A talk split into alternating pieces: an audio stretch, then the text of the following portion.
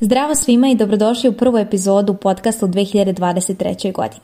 Ovaj podcast nosi isti naziv kao i moj newsletter, a to je psihoterapija i primjena. Za sve vas koji ste novi ovdje ili za vas koji ne znate, vola bi da objasnim zbog čega sam ga baš tako nazvala. I šta možete na kraju krajeva da očekujete od ovog podcasta u ovoj 2023. godini.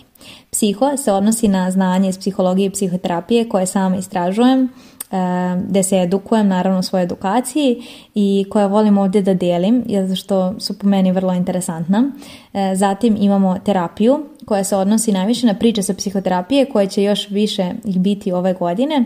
Imate, e, mislim da dve ili tri priče u listi i one se odnose na samu terapiju, na moj proces, kako izgleda edukacija za psihoterapeuta i da vidite kako zapravo izgleda terapija i koji su benefiti iste. I na kraju imamo primjenu, što znači da će Većina epizoda u 2023. godini sadržati neka pitanja, vežbe i nešto za e, promišljanje što vam može koristiti i što možete da primenite ako želite u svom životu na određenim sferama koje su vama važne. To bi bilo to što se tiče uvoda objašnjenja, a sada ćemo da krenemo na samu epizodu. Prva epizoda ovog podcasta odnosit će se na partnerske odnose. Izabrala sam ovu temu zbog toga što sam već imala nekoliko besplatnih sesija i ovih e, redovnih sa, da kažem, redovnim klijentima i mnogo, mnogo se nametala ova tema partnerskog odnosa i e, problema u vezi, ali najviše e, toga kao kako uvijek biram iste partnere, zbog čega se ponavljam, zbog čega imam taj neki obrazac, kako to da su svi drugi u vezama, da već imaju decu, da su srećni, a meni je ovako, uvek mi zapadne neki kreten, kao da se lepe za mene ili kao da se ja lepim za njih ili privlačim i šta ja sad tu Nina da radim. I sigurna sam da ste čuli pored ovoga i vi ovakve stvari, ali i one kao svi muškarci su isti, sve žene su bezobrazne, ne treba verovati ženama, muškarci hoće samo jedno i slično. I zaista, da, postoje muškarci koji hoće samo jedno, postoje žene koje su bezobrazne, ali nisu to sve žene i nisu svi muškarci. Međutim, zbog čega se onda to dešava da ljudi takvu percepciju stiču o partnerskim odnosima? Vrlo je zapravo odgovor jednostavan, a to je zbog toga što ne znaju šta žele.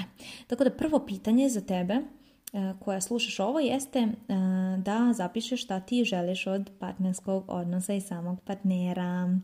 Jako je bitno znati što želimo i generalno u životu, ali je također jako, jako bitno znati što želimo od same veze i partnera.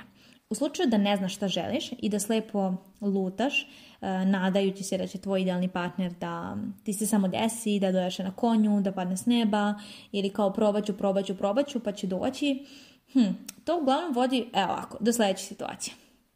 Deset, imaš neku vezu, zatim raskineš i onda najde neka osoba koja je u nekim segmentima bolja od te prethodne, na primjer.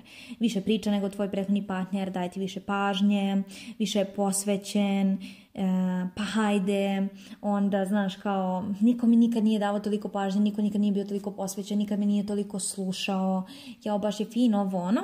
I onda bude kao, hm, pa nema veze, ajde preći prećemo preko ih stvari, nije on u stvari takav, ovo je možda neka faza kroz koju on prolazi.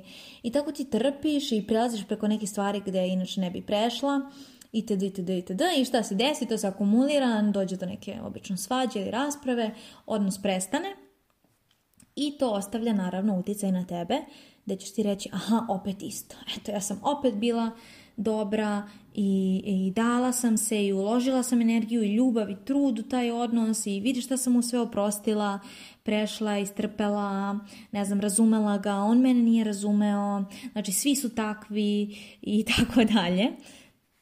Međutim, kao što sam već rekla na početku, nisu baš svi takvi, već je više problem što ti ne znaš šta želiš. Tako da um, u partnerskom odnosu treba da znaš veliku razliku i treba da znaš uopšte da postoje potrebe i želje, a zatim da znaš da, da ih razlikuješ. Znači, imamo sa jedne strane potrebe, sa druge strane želje. Zamisli ili zapiši ili ka šta već hoćeš da radiš u ovom trenutku. Potrebe u partnerskom odnosu su nešto što jednostavno partnerski odnos i partner sam mora da ima. E, znači, to je nešto preko čega ti ne bi nikada prešla, nešto što je must have, nešto što jednostavno ne ideš ispod toga. Znači, ili ćeš da imaš to ili nećemo da budemo zajedno. To bi bilo da ti partner bude veran, e, da hoće da ima porodicu, na primjer, da e, želi decu, mislim da kažemo ono, da želi brak, da želi decu, da ne pije, ne puši, ne znam, ne alkoholiše se, ne bijete, sve zavisi, opet kažem, šta je za koga neka prelomna tačka, ali najvažnije je da ti znaš za tebe koje su tvoje potrebe i preko čega ne bi išla. Sa druge strane imamo želje koje se odnose na to da partner može i ne mora da ima određene fizičke i osobene karakteristike. Što znači da može da ima plavu kosu, ali i ne mora, nije to tako strašno. Može da ima hobi iste kao ja, ali čak i da ima različite hobije, opet eto imamo priliku da nešto naučimo jedan od drugog. Ili, ne znam, mogu da nam se porodice ne slažu, ali opet nije to toliko strašno jer se mi slažemo i u ostalom ne moraju svi ljudi na ovom svetu da se slažu. Znači, glavna razlika između potreba i želja jeste što potreba mora da bude zadovoljena i to je nešto što je onako deal breaker, što može da dovede do pucanja odnosa i preko čega se ne ide, a želja je tu kao pa može i ne mora. Bilo bi lepo, ali ako nema, neću uništiti kvalitetan odnos i neću napustiti kvalitetan odnos samo zbog toga što moj partner nema nešto što bi eto ja žela da on ima.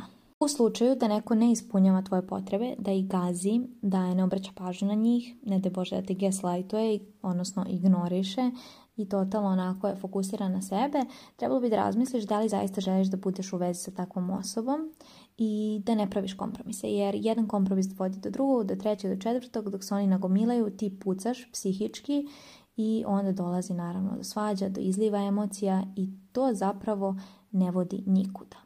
Za kraj bih žela da kažem jednu rečenicu, mislim jednu rečenicu, jednu faktu koja se odnosi na partnersku terapiju koja mene uvijek podsjeti da uvijek postoje dve strane novčića, a to je da u partnerskoj terapiji postoji uvijek dva uspješna ishoda. Jedan je da partneri uspješno nastavljaju svoj odnos, a drugi je da se civilizovano rastanu. Tako da nije nikakav smak sveta, iako to možda izgleda u trenutku kada treba da ostaviš nekoga ili neko tebe ostavi ili da jednostavno niste jedno za drugo i da se rastanete i odete svojim putem.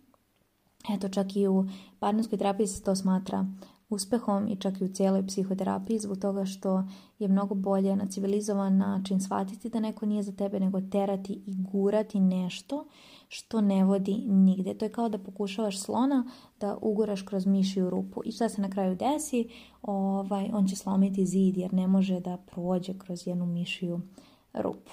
Nakon što si poslušala ovu epizodu, uzmi papir i olovku i napiši koje su tvoje potrebe u vezi, koje su tvoje potrebe od partnera, a koje su tvoje želje. To bi bilo to za današnju kratku epizodu i čujemo se sljedećeg petka. Pozdrav!